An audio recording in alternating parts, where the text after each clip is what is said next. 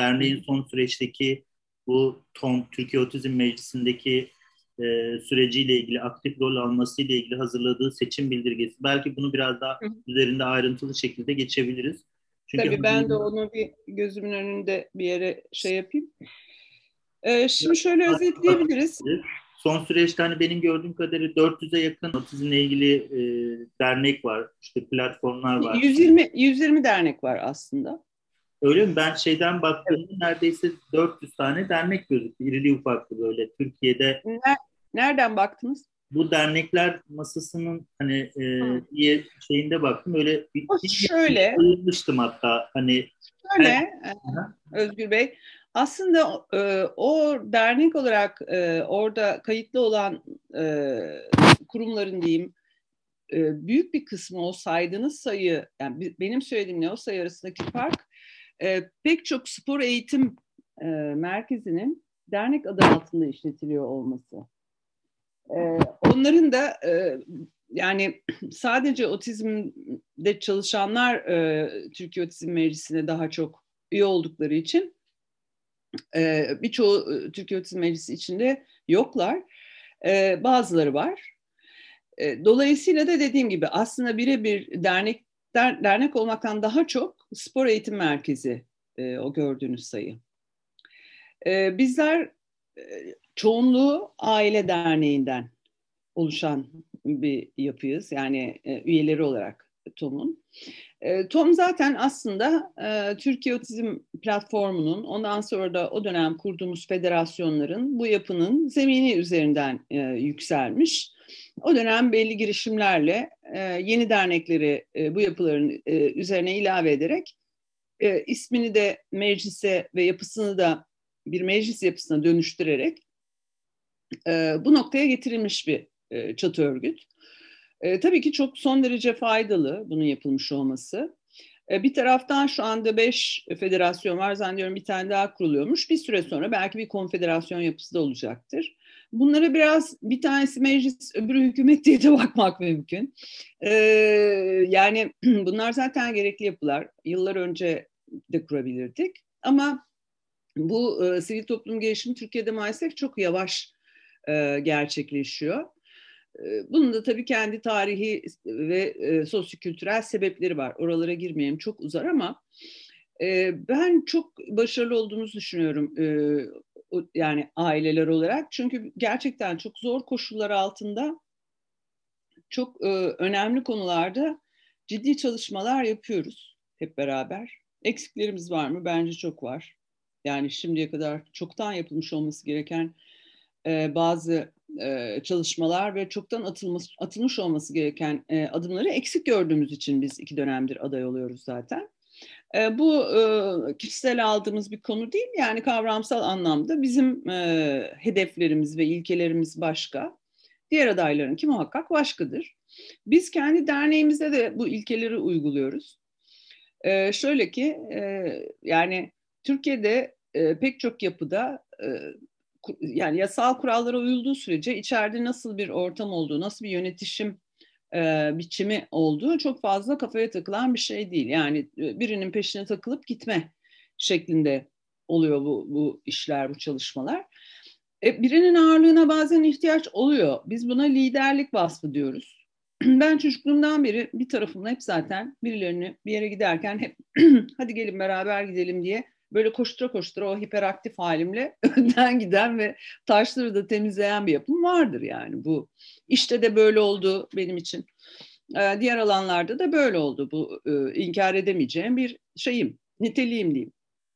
Ee, çünkü ben çok çocuk yaşlardan beri çalışıyorum. Yani ben ilk kendimi bir dükkanda e, hatırlıyorum zaten. Annem babam çalışıyordu.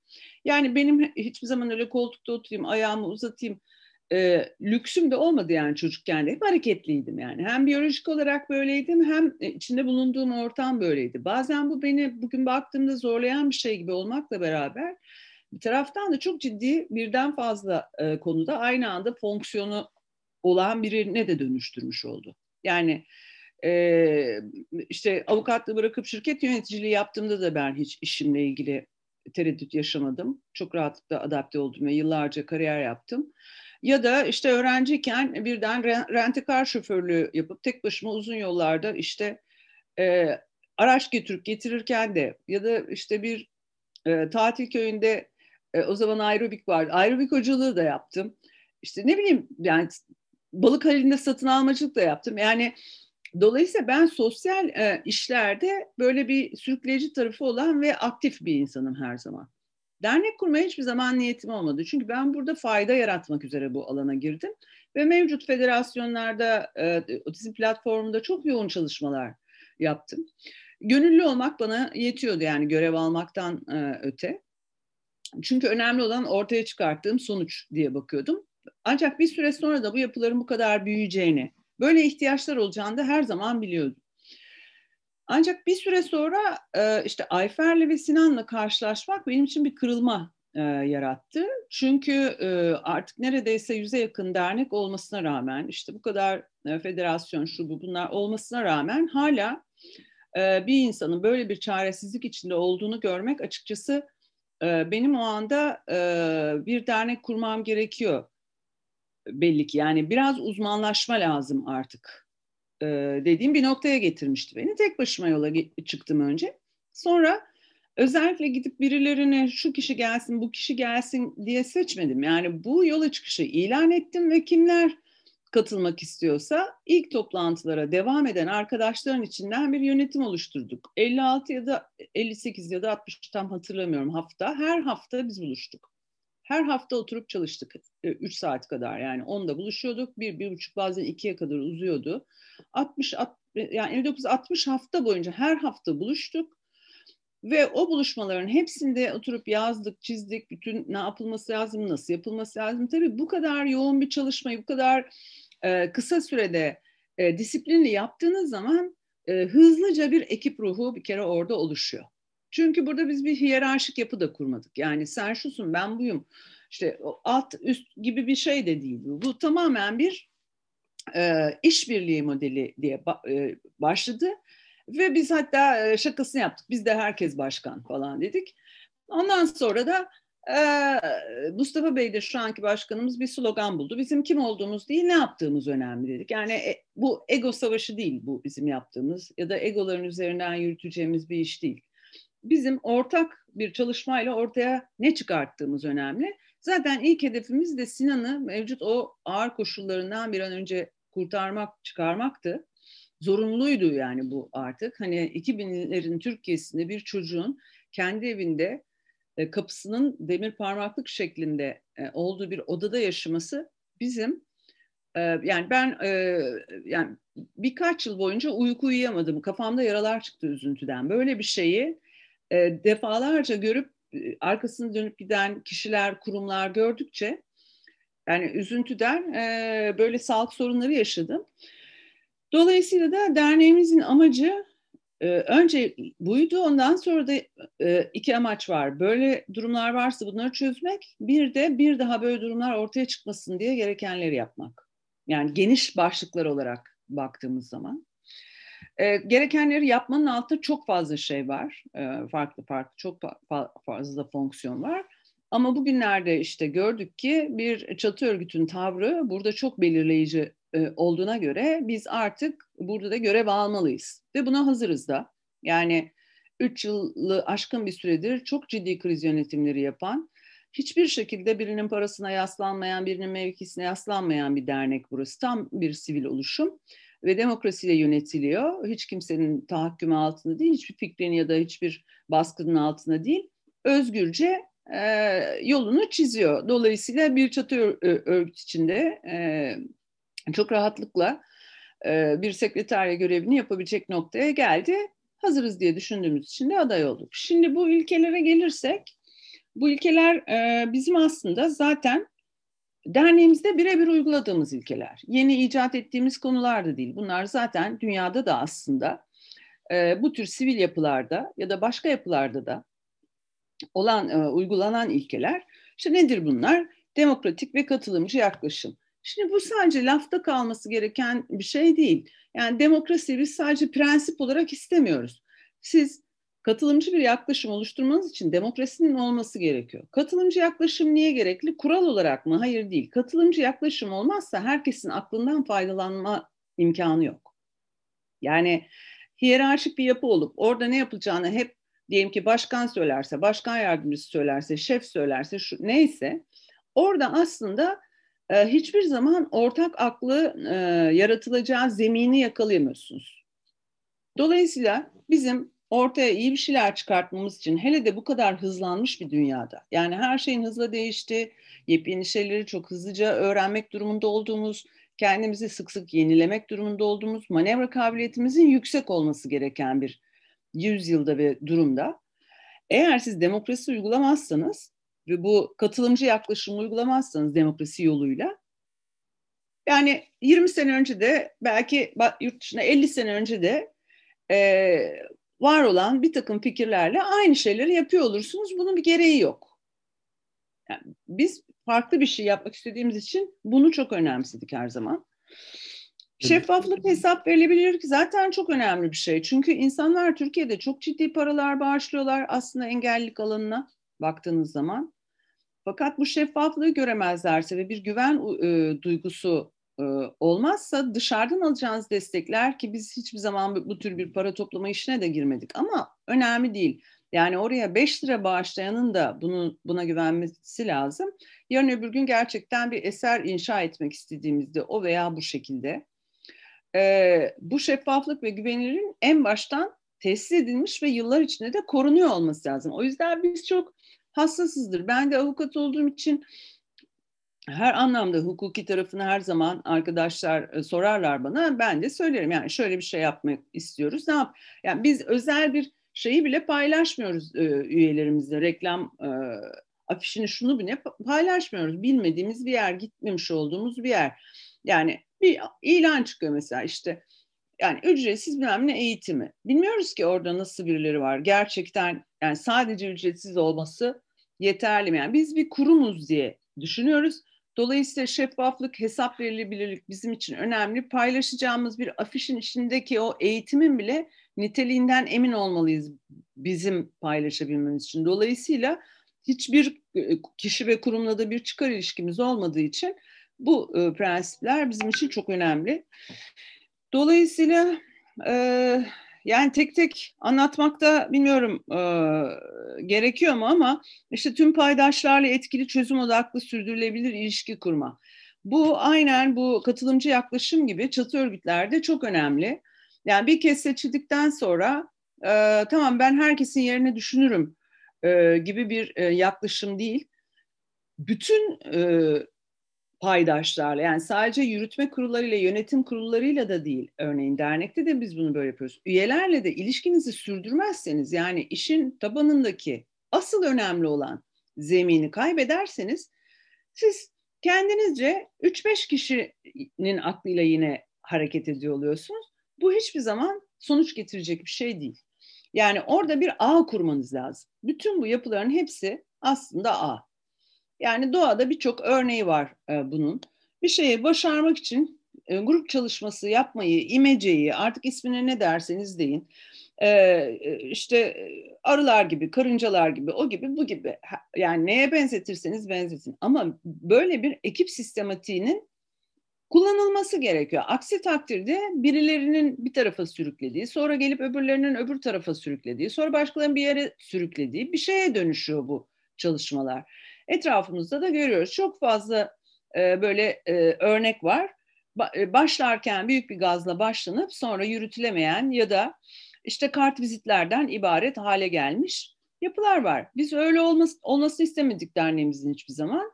E, dolayısıyla çatı örgütün de e, aynı nitelikleri sahip olması bizim, bizim idealimiz.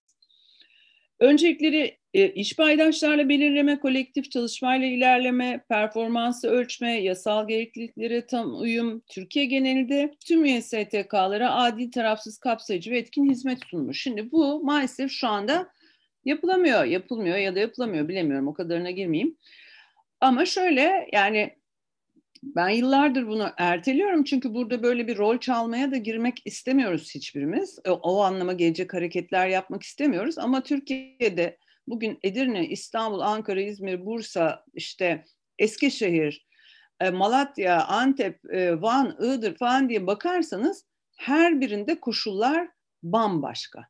Siz İstanbul'da ve parası olan bir aileyseniz bambaşka koşullardasınız otizm yani otizmle ilgili olarak. İşte Iğdır'da bakım maaşıyla geçinen bir anneyseniz diyelim ki bambaşka bir koşuldasınız. Bunlar birbiriyle karşılaştırılamaz. Aynı şekilde şeylerin e, sivil toplum kuruluşlarının imkanları içinde bu, bu böyledir. Yani siz gidip e, işte daha uç noktalarda bir dernek kurduğunuzda oradaki sosyal koşullar da çok farklı. Yani İstanbul gibi değil. İstanbul'da ben belediye başkanı ya da valiyle hiçbir zaman karşılaşmam. Ama siz gidip diyelim ki doğuda ya da işte İç Anadolu'da küçük bir ilin ya da ilçenin derneğiyseniz siz orada her gün sokağa çıktığınızda belki karşılaşıyorsunuz bu insanlarla ve oradaki koşullar içinde e, bu işlerle ilgilenmek durumundasınız. Anlatabildim mi bilmiyorum. Yani farklı farklı pek çok e, değişken var. Bu değişkenlerin e, farklı türde desteklere ihtiyaçları var. Farklı türde e, birlikteliklere ihtiyaçları var. Ve bir çatının aslında tüm bunları tespit etmesi, analiz etmesi ondan sonra da bu destekleri sağlaması ya da sağlanması için gereken kişileri devreye sokması ya da kurumları devreye sokması lazım. Bu çalışma çok önemli. Çünkü Türkiye genelindeki sivil toplum kuruluşlarına böyle bir destek verilir ve onların kendi kapasitelerini yükseltmesini, ilerlemesini e, sağlayabilirseniz o zaman zaten otomatikman toplu halde bir iyileşmeyi de ya da örneklerin birbirleriyle paylaşılıp hızla devreye alınmasını da ya da ailelerin daha hızlı bir şekilde eğitilmesini, bilinçlenmesini hatta sivil toplumun içine girmesini de ya da e, tüm e, yerinden yönetim ya da mer, yani merkezden değil yerel yönetimlerdeki kişilerin de hızlıca meseleleri kavraması gibi pek çok e, kazanım olabilir. Bu bir bu da bir ağ meselesi işte. Yani bu ağı e, iki taraflı doğru bir şekilde birbiriyle iletişimini ve etkileşimini sadece iletişim de değil. Yani sadece genel kurda gelin oy kullanın değil. Her ile gitmemiz gerekiyor aslında diyelim ki biz bu görevleri edinirsek. Dernek olan her yere ayak basmamız gerekiyor. Ya da bastırmamız gerekiyor. Yani bizzat gidebiliriz, bu gidecek ekipler kurabiliriz, o ekiplerin fonlarını e, oluşturmak için çalışabiliriz e, gibi gibi. Yani bunların pek çok alternatifleri var nasıl yapılabileceğini. E, ama bu ağ hep beraber çalışmazsa o zaman bu kişilerin her zaman e, koşulları daha iyi olan kişilere çalışır hale geldiği bir sisteme dönüşüyor. Bilmem anlatabiliyor muyum? Yani burada e, demokratik, katılımcı, e, çoğulcu, e, birbirine fayda e, üreten bir ağ yapısını yapılandırmaktır bu iş zaten. Hani bir şeyin tepesine geçeceğim, bunu ben yöneteceğim falan. Bu böyle bir şey değil. Biz yani burası bir şirket de değil, işte hükümet de değil, şu da değil, bu da değil. Burası sivil alan ve e, ortak fayda en önemli e, merkezi. Ortak faydaya çalışılması gerekiyor. Özetle böyle. Ortak faydadan da bizim anladığımız en zor durumda olan ve en zayıf durumda olan, en çok ihtiyacı olanlara öncelik verilmesi ve sosyal adalet. Yani Türkiye'de eğer bir çocuğunuz var, paranız var, çocuğunuzu eğitip işte belli bir noktaya getirip hatta istihdama bile katabiliyorsanız ama paranız yok ve çocuğunuz bakım evine düşüyorsa bu ikisinin e, ikisine de otizm demek mümkün değil o zaman. Tabii ki o insanların ikisi de otizmli ama otizmle ilgili e, müthiş bir sosyal adaletsizlik var. Yani benim en e, önemli bulduğum e, sorun bu. Yani derneğimizde işte biz bu sorunun üzerinden ilerlettik. Ee, gene aynı şekilde kaynakların adil dağılımını sağlama, e, kanıt temelli savunuculuk. Kanıt temelli savunuculuk biraz daha hukuk meselesini önemsemek anlamına geliyor. Bizim bu alanımızda çok nadir e, hukukçu arkadaşlarımız, yeni bir iki genç arkadaşlarımız var. Yıllardır ben tek başımayım yakın olan e, avukat, hakim, savcı yok mu? Var. Ama sivil toplum yapılarına e, verdiğimiz e, emekler, hukuki emekler her zaman çok değerli bulunmadı bugüne kadar bu alanlarda. E, onların da biraz bazı bence küskünlükleri var. Ben biraz Hacı Yatmaz gibiyim. Küstürdükçe geri dönüyorum. ama e, çok böyle aman gelsin hukukçular çalışsın bize diye hani kimse e, halı falan sermemiş yani bu alanlarda bugüne kadar biz biraz zorla e, işin içine girdik diyebilirim ve hukuku e, etkin hale getirmeye çalışıyoruz. Demokrasiyi etkin hale getirmeye çalışıyoruz. Ama bu otizm alanına has bir şey de değil. Ben sanatçı hakları tarafında çalıştığımda da aynı şey vardı. Yani ya dur şimdi ne hukuk, hukukla mı uğraşacağız? Yani bir an önce şu sorunları çözelim var. Hatta bu ülkenin tamamında vardı yıllardır biliyorsunuz. Şimdi insanlar anladılar ki son yıllarda yani acı tecrübelerle anladılar ki öyle olmuyormuş. Yani boş ver hukuku dur önce sorunları çözelim olmuyormuş. Yani önce hukuk olacakmış sonra ancak o, o, yani onun olduğu bir ortamda sorunlarını çözme imkanı olacakmış. Bir de atacağımız her adımın tüm otizmli bireyler için faydalı olması adına doğru ve ilkeli temsiliyet. Sonuçta burada görev e, veren herkes kendisini doğru temsil edilmesini istiyor. Burada da bir denge gerekiyor. E, yani ben kişisel olarak örneğin daha eleştirel bakıyor olabilirim meselelere. Ama bir sivil toplum örgütünü temsil ettiğiniz zaman, hatta bir çatı örgütü temsil ettiğiniz zaman tabii ki kendi kişisel fikirlerinizle değil, herkesin ortak e, yaklaşımıyla hareket etmek lazım. Bu da ne gerektiriyor? E, bir politik e, duruş gerektiriyor. O politik duruş biraz bağımsız bir politik duruş olmak zorunda. Yani ne gittiğiniz muhatap olduğunuz kişilerin e, illaki yanında ya da illaki karşısında gibi bir pozisyon değil, tamamen konu üzerinden ilerleyen bir pozisyon. E, bu da çok önemseniyor sivil toplumda. Çünkü onurlu bir e, hayat istiyor herkes. Yani otizmli çocuğu var diye hiç kimse kimseye yalvar yakar olmak da istemiyor. Çünkü yıllar içinde çok şükür çok şükür ki diyeyim bu bilinç kazanıldı. Çünkü başlangıçta biz hak hukuk dediğimizde dernek başkanları bile dediğimde diyeyim yani dediğimizde derken o zamanlar bu anlamda çok yalnızdım. Bunu söylediğimde birçok kişi bana şey dedi yani sen bizim başımızı derde sokarsın yani Türkiye'de bu devlete hak hukuk dersen bizim elimizdekileri de alırlar. Ama hiç de öyle olmadı. Tam tersi her zaman ilerledik. Ve ben Ozan'la ilgili Avrupa İnsan Hakları Mahkemesi'nde dava açtıktan sonra Ankara'da daha e, önemsendiğini e, gördüm meselenin ve otizm eylem planı süreci de tam da oradan başladı. Yani o davayla ilgili muhatap olduğumuz bir dönemde ben bir bakan tarafından tek başıma kabul edildim. Çünkü hakkını savunan insan bilinçli insandır. Kendi hakkını savunabiliyorsan yarın öbür gün o ülkedeki herkesin hakkını savunabilecek potansiyelin var demektir. Ha kimi politikacılar evet belki bundan çok hoşlanmayabilirler ama e, akıllı politikacılar bu yaklaşımdaki insanların işe yarayacağını her zaman bilirler yani sonuç almak için ve kendileri için de sonuç alıcı insanlar olduklarını bilirler. Ben bugüne kadar Ankara'dan kimseden ya sen de çok huysuzsun Twitter'da bize şunu yazıyorsun bunu yazıyorsun bize gelme toplantı yapmıyoruz seninle ya da istemiyoruz seni ya da ters bir şey e, ya da şu hakkını eline hiç böyle bir şey görmedim tam tersi her zaman daha da fazla davetler aldım lütfen gelin diye çünkü görüyorlar ki sen oturup çalışmışsın yani boş boş konuşmuyorsun, bir iş yapmaya çalışıyorsun, onu görüyorlar.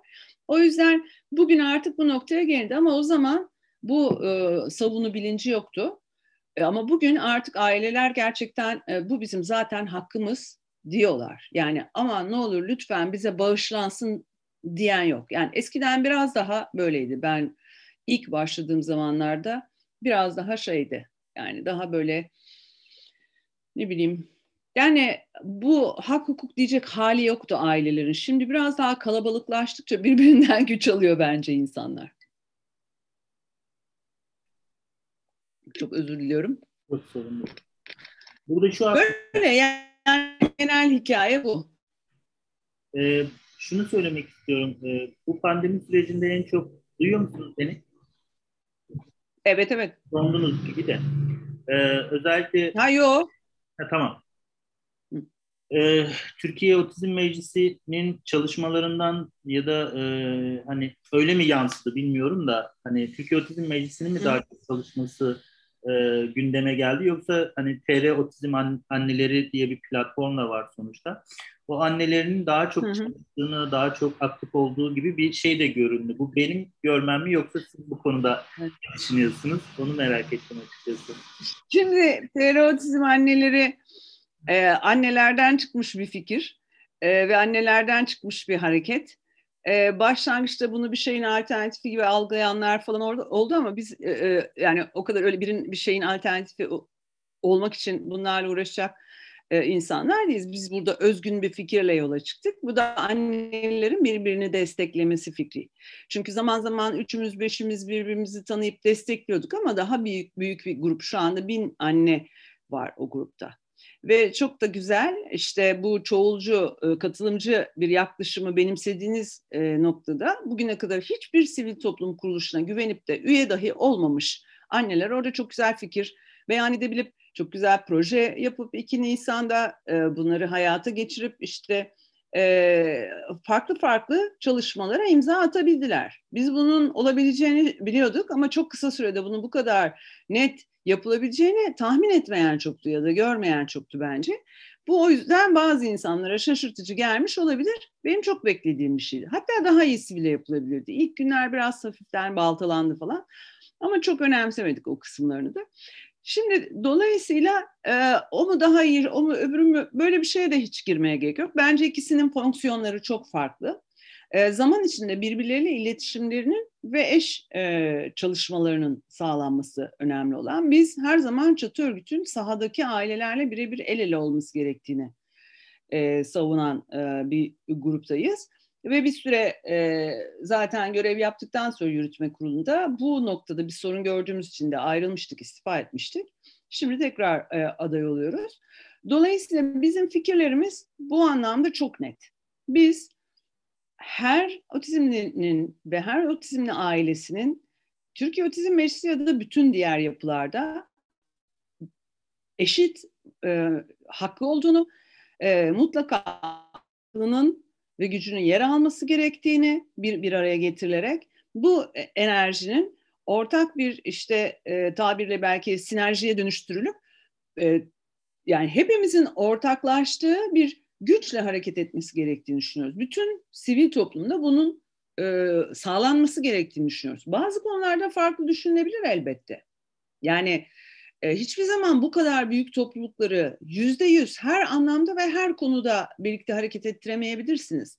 Ama bu birlikteliği sağlar ve buna yatırım yaparsanız bunların en azından konuşulabileceği ortamı, paylaşılabileceği ortamı, birbirinden fayda veya fikir üretebileceği ortamları sağlamış olursunuz. Ve bu aynı zamanda bu tür çatışmalı diyelim ki meseleler varsa bile, karşıt görüşler varsa bile burada bir ara bulucu zeminidir. Ve bu da e, kıymetlidir e, diye düşünüyorum. Yani benim kişisel fikirlerim bunlar tabii. Dolayısıyla bu konuda böyle. Yani ben çok iyi bir şey yaptık e, Türkiye Otizm Anneleri platformunu kurmakla. Tarihi bir şey yaptığımızı düşünüyorum. ben... Giderek büyüyeceğini düşünüyorum. Peki buradan hareketle e, şu konuyla ilgili fikrinizi de merak ediyorum. Şu zamana kadar e, hani gördüğümüz e, süreçte sürdürülebilir bir özel eğitim politikalarının e, olmadığını görüyoruz. Evet. Bunun oluşumu ile ilgili neler yapılabilir bir fikriniz vardır nihayetinde. Belki başka bir tartışma konusudur bilmiyorum da. An... Tabii epey uzun bir konu. Evet. Bazı fikirlerim de var. Ben yani şöyle söyleyeyim size, Türkiye'de çözümsüz kalan her şeyin bugünkü liberal ekonomi, globalleşme ve işte şu bu ıı, ıı, yani bütün bunları bir arada düşündüğümüzde Türkiye'de krize dönüşen her şeyin özel sektöre açılacağını ben düşünüyorum prensip olarak. Bu zaten normal eğitim politikaları içinde de bunu görüyoruz. Ben özel gereksinimli bireylerin eğitim politikaları içinde de zaten bunun bir kısmını gördüğümüzü düşünüyorum. Bunun arttırılabileceğini, bambaşka boyutları olabileceğini düşünüyorum. Çünkü şu anda gerçek bir politika üretilememesinin sebebi bu. Bence bu seçimi yapamıyorlar. Yani şunu diyemiyorlar. Biz özel sektöre verdiğimiz alanı da kapatıyoruz. Her şeyi milli eğitimin içine çekeceğiz diyemiyorlar. Ya da tam tersi milli eğitim içinden çıkaracağız da diyemiyorlar. Bunların ikisinin bu şekilde yarım yamalak bir, bir kısmının orada bir kısmının orada olması da çok saçma. Yani çözümsüz bir noktaya gitmiş durumda.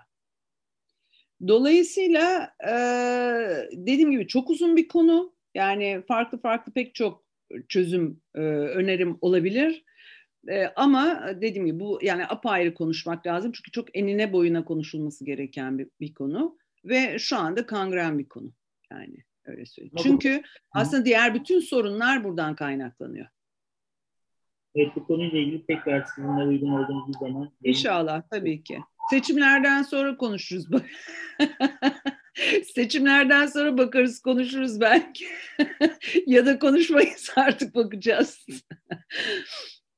Bize bir heyecan kattı bu seçim meselesi. Bildiğiniz gibi değil yani. Anladım. Ee, bu e, seçimlerle ilgili bahsettiğimiz ilkelerden birkaç tane soru aklıma geldi. Tabii. Mesela şunu da e, Tom Meclisi'nde kendilerini ifade edip edemeyecekleri, mesela bu aktivistlerin, ne bileyim e, otizmli bireyler artık kendilerini ifade etmeye başladılar biliyorsunuz Twitter'da. E, onların e, işte akademisyenlerin yani e, otizmle çalışmış akademisyenlerin bu platformda e, yeri nedir tam olarak? Hani katılım anlamında katılım, destek, işbirliği nasıl e, yapılabilir? Fikrinizi alabilir miyim? Dondunuz mu arada? Ee, benim tabii kişisel fikrimi ya da hayalimi söyleyeceğim ben çünkü şu anda bunların uygulaması yok.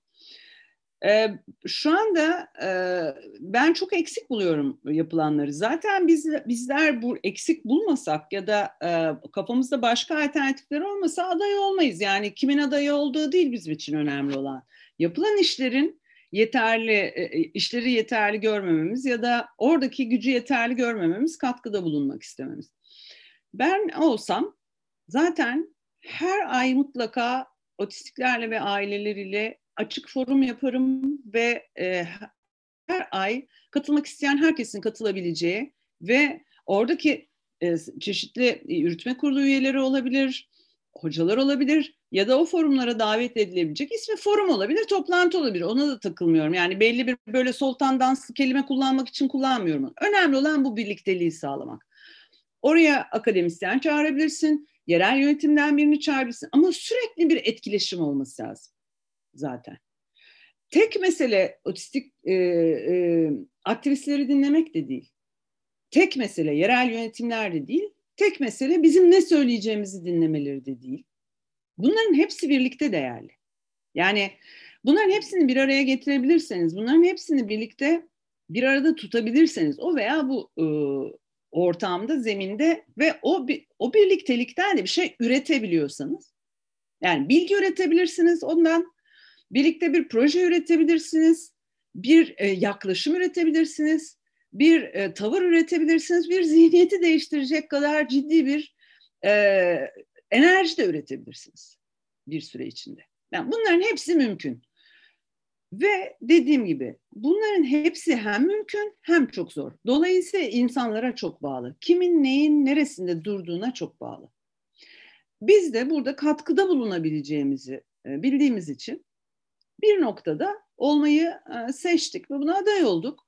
Eğer e, bunu başarabilirsek göreceksiniz zaten bol bol bu tür çalışmalar yaptığımızı ve kimsenin gelmesini beklemeyip herkesin de yeri geldi olduğu yere gidip bizim e, onlara ulaşmaya çalıştığımızı. Biz e, derneğimizde de bunu böyle e, yapmaya çalışıyoruz mümkün olduğu kadar ama imkanlarımız el verdiği kadar. Bir taraftan da bu da var. Yani hep beraber bu imkanları da biraz genişletmek lazım. Hem teknolojiyi daha iyi kullanarak, daha yoğun kullanarak hem başka e, anlamlarda. Tabii ki şöyle aktivist arkadaşlarla ben bir baştan bir iletişim kurmaya çalıştığımda şunu gördüm. Onlar gençler e, kendilerince orada bir varlıkları e, ve o varlığın da bir ağırlığı var ve bunu olmasını tercih ediyorlar. E, biz daha e, dominant bir tipleriz yani sivil toplumda dominant hale gelmiş tipleriz. Şimdi orada bir edilgen e, şeye noktaya e, gidebilir yani onların var. Çünkü daha çok yeniler ve çok yeni yeni kendilerini anlatmaya çalışıyorlar. Birden kendimi onların üstüne boca etmek falan o anlamda da hiçbir zaman istemediğim için ben e, etkileşebileceğimiz ya da destek verebileceğim noktaları biraz belirttikten sonra belki de anne olmam dolayısıyla bir dakika anneler bizim adımıza konuşulmasın, konuşmasın dediği noktada da kendimi geri çektim açıkçası.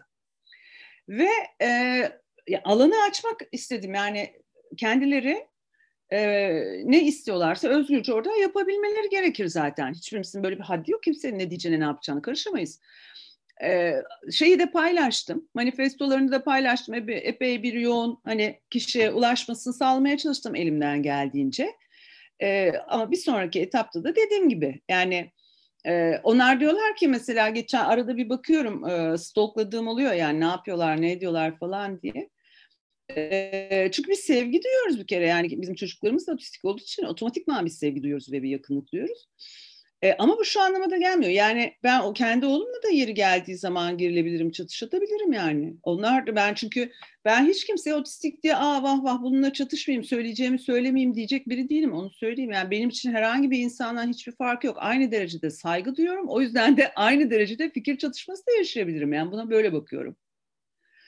E, tabii ki kırıcı olmamak kaydıyla birbirimize. Yani bunu hiçbir zaman istemem. Ama bir kıymet vermeyle de ilgili. Yani dolayısıyla ben mesela annelerle e, yaşadıklarına baktığımda da arkadaşlarımızın bunu gördüm. Aslında bir karşılıklı değer vermedir birbirinin fikirleriyle çatışmak. Yani bu boyut her zaman vardır yani. Ve bunlar bence faydalı. Yani birbirini kırmasın kimse onu istemem ama e, bu etkileşimlerden mutlaka iyi şeyler de doğacaktır diye düşünüyorum karşılıklı. E, öyle yani bizim için durum bu. Yani evet. aktivizm Türkiye'de e, zor bir iş, kolay bir iş değil. Ee, hele hele böyle insanların hiç anlamadığı bir nöroçeşitlilik vesaire gibi ben 12 senedir aslında oradan e, bunu anlatmaya çalışıyorum. Şu anda da çok memnunum. Çok daha fazla kişinin anlatmaya çalışmasından hiç olmazsa bazı görevler üstümüzden gitmiş oluyor yani. Yoksa yıllardır aynı şeyleri yazıp duruyoruz. Ee, böyle yani işte yavaş yavaş değişiyor. Ben Ozan da tanı aldıktan sonra ilk yaptığım şey benim Amerika'ya gitmek oldu. İşte Amerika'da e, yetişkin otistiklerin e, ilet, yani onlarla iletişim kurmak oldu. Facebook üzerinden o zaman Messenger şu bu falan e, oralardan ve birebir e, bir, pek çok şey onlardan tabii ki öğrenmeyi ben de tercih ettim yani o dönem. E, hiç yoktu ki bir tane bile yetişkin otistik yoktu Türkiye'de tanışabileceğiniz, gidebileceğiniz. Bizim bugün e, derneğimizde üye olan e, arkadaşımız var Dilek.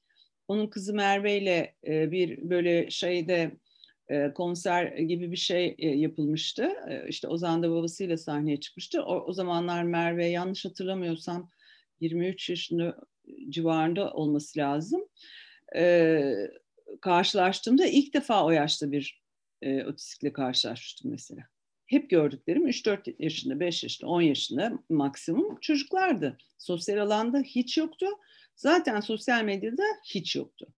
Dolayısıyla ben o zaman işte Amerikalı yetişkin otistiklerle epey bir e, konuşmuştum birebir. Ve gittiğimde de orada da e, işte merkezleri gezdim, eğitime baktım, ne oluyor, ne bitiyor falan baktım. Ve böyle kolilerce kitap getirdim Amazon Amazon'dan. Onların hepsini okudum falan ve hissiyatımla karşılaştırdım. Çünkü bana ilk tavsiye edilen her şey çocuğumu normalleştirme üzerineydi aslında. Eğitim yöntemi olarak da bakış açısı olarak da benim de içim, iç sesim bunu redded reddediyordu. Dolayısıyla ilk karşılaştığım şeyler bunlar. Yani çocuğunu böyle eğitmezsen mahvedersin diyen bir dış ortam ve içimden Hayır ben onun varlığına saygı ve sevgi duyuyorum. Hiç böyle bir normalleştirmeye ihtiyacı yok. Ama bu durumda acaba ne yapmalıyım gibi bir çatışmaydı, bir şeydi. Soru işaretiydi ilk tanıdan hemen sonraki dönem benim için.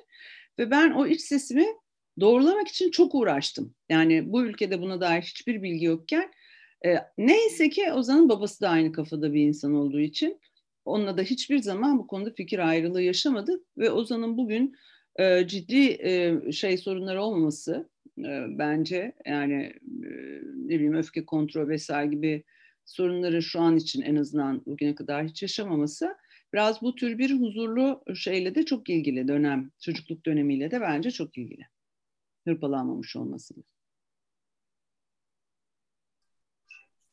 Bir saat oldu biraz toparlayalım isterseniz.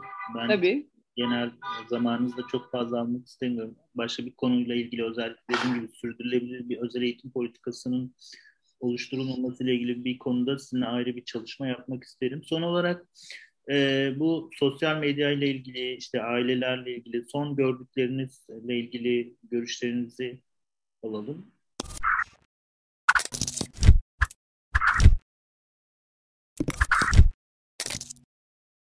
Nasıl bir sosyal medya kullanımı olabilir? Aileler kendilerini nasıl e, hani ne yapabilir, ne yapmalılar? Biraz bu konularla ilgili. Çok genel mi oldu? Yok hayır. Yani sosyal medyada bence çok güzel e, giderek ilerliyoruz. Biraz yavaş gitti bir süre. E, şimdi Facebook'ta çok yoğunluklu aile grupları var. Biraz daha e, farklı alanları da çekmek lazım e, diye bakıyorum yani oradaki arkadaşları. Belki dışarıdaki buluşmaları vesaire arttırarak bu salgın dönemi e, şey yaptıktan sonra biraz hafiflettikten ya da bittikten sonra ben asıl sahadaki yani dernek üyeliği kısmı ile ilgili çok eksik olduğumuzu düşünüyorum. Geçen de yazmıştım zaten biliyorsunuz. Yani oradan ya işte bu toplum da bize böyle yapıyor. Hep aynı şeyler. Yıllardır ben hep aynı şey diyorum. İşte bu toplum bizi istemiyor. Bu komşular bize böyle yapıyor. İşte benim çocuğuma şöyle baktın, öyle bakma. İşte şu, yani sürekli bir şikayet hali var ister istemez. Çünkü bunlar hayatımızın gerçekleri. Başımıza gelenler. Fakat yani orada ya biri bakıyor vah vah tüh tüh niye bunların başına böyle şeyler geliyor diyor. Ama o insanın bütün bir zihniyeti falan değişmiyor aslında o şeyle. Bir de e, üstüne üstlük şöyle bir şey oluyor ama ya işte bu e, bunlar da hep ağlıyorlar falan böyle bir hani e, ne bileyim e, bir ajitasyon yapıyormuşuz gibi tepkiler de oluyor zaman zaman. Yani şunu sordukları anda verilecek cevap yok. Ya arkadaş sen her gün burada bu kadar şey yazıyorsun. Neden gidip bir tane derneğe üye olmuyorsun? Dedi, denildiği zaman bir diyelim ki bizlerden birine kendimi de içine katayım. Benim söyleyecek çok şeyim var. Evet üyeyim ve şunları şunları yaptım diyebilirim yani. Çünkü bu son 13 senede çok şey değişti dedim. Durduk yere değişmedi. Kimse Twitter'dan mesaj yazıyor diye de değişmedi. Çünkü geçtiğimiz 10-12 sene işte Twitter'ın o kadar öyle bir fonksiyonu yoktu Türkiye'de otizmle ilgili. Ben çok yalnızdım hatta bir aktivist olarak ya da işte İrem Afşin bir iki kişi daha belki bile yoktu. Şimdi arttı yoğun bir şekilde özellikle de anneler varlar. Çünkü genç kesim, genç nesil geldi. Ama e, dernek tarafına bakıyorsunuz. Yani bir masa taşıyacağız dört kişi yok. Anlatabildim mi? Biz asıl yani oradaki varlığı güçlendirmemiz gerekiyor. Çünkü gerçek bir takım e, gelişmeler için diyelim ki sivil anayasa hazırlanacak. Size derlerse ki ya otizmlerle ilgili kısmı konuşmak için bize sivil toplum kuruluşlarınızdan yetkin, bu işten anlayan, e, teknik olarak da gelip bunu anlatabilecek, konuşabilecek bir heyet gönderin dediği zaman sizin nitelikli üyelerinizin ne kadar kaç kişi olduğu, ne kadar ön çalışma yapıp o, yapmadığınız bunlar çok önemli hale gelecek. Ya da ileriki dönemlerde işte diyelim ki devlet, hükümetler e, bu konuları tamam çözmeye karar verdik. Gelin bakalım proje konuşalım dediğiniz zaman, dediği zaman size oraya kimlerin gideceği çok önemli. Kimin sizi temsil edeceği çok önemli. İçinde değilseniz oraya bir hasbel kadar gelmiş herhangi biri de temsil edebilir size. Dolayısıyla bunlara sahip çıkmanız gerekir diyorum ben yani ailelere. Yani boş bıraktığımız her meydan enteresan şekilde doldurulabiliyor yani bu ülkede. Öyle. yani e, gelsinler derneklere, gelsin bizim derneğimize gelsinler en azından e, şey yapmıyoruz yani. E, biz böyle kendi aramızda dernekçilik yapmıyoruz. Hiç tanımadığımız ben geldim burada olmak istiyorum, çalışmak istiyorum diyen biri de çok rahatlıkla uyum sağlayabiliyor sistemimize. işte demokratik ve çoğulcu bir sistem olduğu için. Yeter ki çalışmak, üretmek istesin. Anladım. Peki, e, genel olarak söylemek istediğiniz, e, aklınıza gelen şunu da söylesem iyi olur dediğiniz bir şey var mı? Aklınıza gelen şimdilik. Yani sevgi, barış, huzur, mutluluk yani. Söyleyeceğim o. Başka bir şey yok. Ben size çok teşekkür ediyorum. Yani Otizm TV benim böyle hayalimdi. Sonra bir gün bir baktım Otizm TV diye bir şey var. Gerçekten. Aa ne kadar güzel bir insan ve e, yani ne kadar çalışkan bir insan. E, hatırlarsanız bir araya da gelmiştik. Ben size söylemiştim. Ne siz yürüyün gidin biz ileride yakalarız bir yerde birbirimizi falan diye. İnşallah daha sistematik, daha e, hep beraber de böyle katkıda bulunabileceğimiz, size de katkıda bulunabileceğimiz, sizin çalışmalarınızı da e, daha da e, başka boyutlarda da değerlendirebileceğimiz bir noktaya da geliriz hep birlikte. Ben böyle olacağına da inanıyorum. Çok da teşekkür ederim bütün emeklerinizin kendi adıma ve çocuğum adına ve derneğimiz adına da Teşekkür ediyorum. Ben teşekkür ederim. Umarım küçük de olsa bir katkı sunuyorumdur bu alana. Yok yok önemli bir katkı sunuyorsunuz evet. bence. Genel olarak hani uzmanlar çok e, hani böyle kendilerini ifade edecek kanallar buluyor ama aileler çok bulamıyor. O yüzden son dönemde evet. ailelere çok e, hani görüşmek istiyorum. E, hani ben de sizin aracınızda şunu söyleyeyim. Aileler de çok katılmak istemiyorlar nedense. Ki dediğiniz şeyi ben de bu şekilde yaşıyorum gerçekten. 10 aileye söylüyorsam biri ya da ikisi ancak e, hani kabul ediyor. O da çok ilginç bir durum olarak tabii. İlginç bir e, Türkiye klasiği ya da gerçeği olarak görüyorum. Üzerine gerçekten tez bile yapılır bence bu konunun. Çok önemli çünkü gerçekten. Hani hem böyle bir e, şey var, e, kendilerini ifade edecek kanallar yaratmak istiyorlar. Ben size hemen birini ayarlayacağım. Aklıma hemen biri geldi. Sinan'ın annesi Ayfer. Tamam. Çünkü Yok. Ayfer gerçekten bu konuda çok yaşantısı e, ilginç, hikayesi ilginç, dinlenilmesi gereken de biri. Tamam. Ee, şey imkanı yok onun Zoom mesela imkanı ama ben bir gün bana davet ederim. Buradan bir e, birlikte çalışma yaparız. Olur, çok iyi olur. En azından görüşürüz. Biz şu seçim bir atlatalım Özgür Bey. Ondan sonra ben birkaç tane böyle mutlaka gerçekten hikayesi bilmek isteyeceğiniz e, ve çok kişiye faydası olabilecek birkaç şeyimiz var. Tanıdığımız e, kişiler var. Onlardan rica ederim yani. Ben derneklerle ilgili dosya da hazırlamak istiyorum. Hani böyle derneklerle e, görüşüp yetkilileriyle hani E, onlarla da ilgili böyle bir hani e, dernek otizmle ilgili dernekler e, sohbetleri diye. Öyle hı hı, çok şey iyi. yapmak istiyorum. Umarım onu da yapabilirim zaman içerisinde. Güzel. Yaparsınız tabii niye olmasın? Ee, benim aklıma gelenler şimdilik bunlar. Tekrar teşekkür ederim ilginiz için. Ben teşekkür ben ederim. bu hafta sonuna kadar yetiştirip mutlaka yayınlarım. ikiye İnşallah. bölerim büyük ihtimalle. Ee, tamam. Bir sizin e, kişisel bir de daha dernekle ilgili ya da yapılması gerekenlerle ilgili kısım olarak. Tamam. Ee, bu kadar. tamam. Peki Tamamdır. çok çok teşekkür ben ediyorum. Çok sağ olun için. Vakit ayırdığınız için. Yok siz de Ozan'ın vaktinden alıp bana verdiğiniz için teşekkür ederim. Ay, Önemli. Canım Ozan yok firarda valla. Ee, çok evet. uzun süredir benle tek başınaydı. Ee, sultanlara gitti birkaç gün daha gelmeyecekmiş. Mesaj atıyor bana. Öyle. İyi o zaman anladım tamam. evet evet. Ben ben kendi kafa tatilimden ayırdım. Sorun yok yani. tamam tekrar elinize kolunuza dilinize sağlık. Görüşürüz. Sizin de öyle. Sizin de çok teşekkür ediyorum. Görüşmek üzere.